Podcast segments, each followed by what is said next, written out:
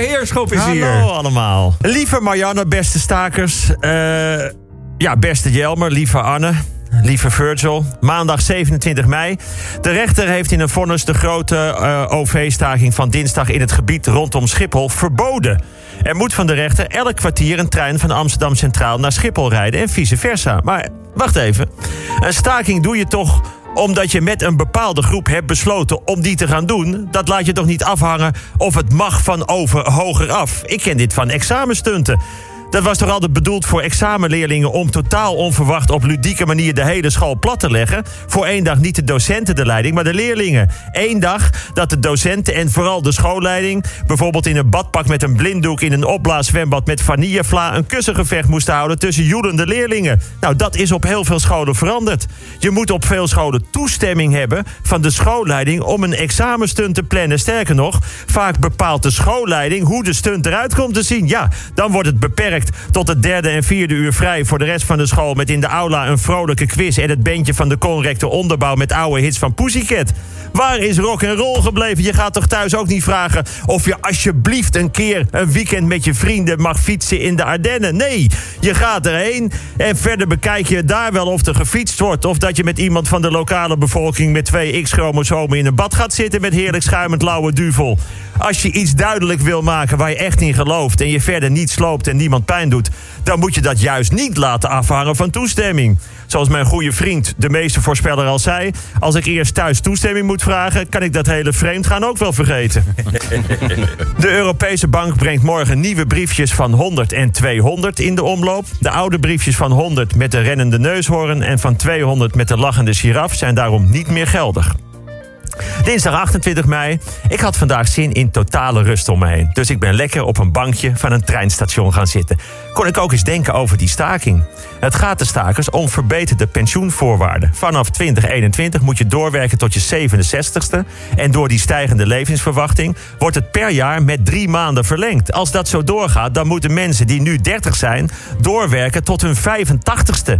Dat kan toch niet? Dan heb je bijvoorbeeld een bakker van 84 jaar. Bakker, mag ik een half gesneden volkoren? Wat?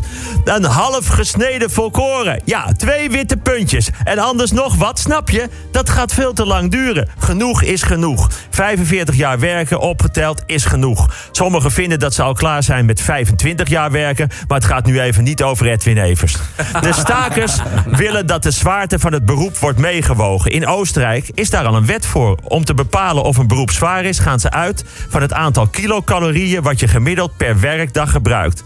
Bovenaan die lijst van zware beroepen staan mijnwerkers, bouwvakkers, ijzervlechters, verloskundigen en cabaretiers. Bijna onderaan radio-dj's, omdat die in het algemeen maar vier uurtjes per dag werken. En van die vier uur ook nog eens minimaal de helft van de tijd plaatjes zitten te draaien. En daaronder nog de sidekicks van radio-dj's. Want die hebben tussendoor ook nog alle tijd om even koffie te gaan halen. Dus Jelmer, ik lust wel een cappuccino. Woensdag 29 mei, wat dacht je van dit bericht? Tijdens de Eurobool Expo Holland 2019, een hondenshow in Zutphen... zijn opnieuw teefjes door hun eigenaar bij hun geslachtsdeel betast. De politie onderzoekt of vervolging mogelijk is. Volgens dierenrechtenorganisaties proberen de eigenaar tijdens de show hun hond rustig te houden... door hun geslachtsdeel te masseren. Nou, dan weten we dat ook weer. Als je aangevallen wordt door een woedende mastino of een opgefokte rotweiler... moet je zo snel mogelijk proberen het geslachtsdeel te masseren. Wel eerst even kijken of het een teefje is. Bij mannetjes gaat het namelijk anders. Mijn oudste broer heeft een keer de ballen van een pitbull geprobeerd te masseren. Nu ben ik de oudste. en let op, het werkt alleen bij honden. Het heeft bijvoorbeeld thuis, als je ruzie hebt met je vrouw... geen enkele zin om dan... eh, Nou ja, afijn, je begrijpt het wel. Donderdag 30 mei. Ik lees een bericht voor dat ik vond op nos.nl. Michael P., die is veroordeeld tot 28 jaar cel en tbs in de zaak Anne Faber... heeft in een hoger beroep herhaald dat hij is mishandeld. Agenten zouden dat gedaan hebben om informatie over de vermissing van Anne los te krijgen. Komt-ie? P. zegt dat hij door de hardhandige arrestatie nog steeds last heeft van zijn schouder. Hij kan daarom bij tennis zijn backhand niet goed gebruiken en hij heeft moeite met omhoog tillen. Ja, ik ben expres even stil. Hij heeft Anne Faber verkracht en vermoord en nu legt hij uit dat hij ook slachtoffer is, want hij kan zijn backhand bij tennis niet meer gebruiken. Michael P. eist strafvermindering. Als dit bericht klopt, dan is hij inderdaad totaal ontoerekeningsvatbaar. Dan ontbreekt iedere vorm van een geweten en heb je sowieso het recht op een goede backhand verspeeld. Alle liefde dus voor de familie en vrienden van Anne. Zij spelen helemaal niks en nooit meer zonder pijn. Het is vandaag hemelvaart, de hemel. Ik geloof er voor mezelf niet in, maar ik hoop voor Anne dat ik ongelijk heb. Vrijdag 31 mei.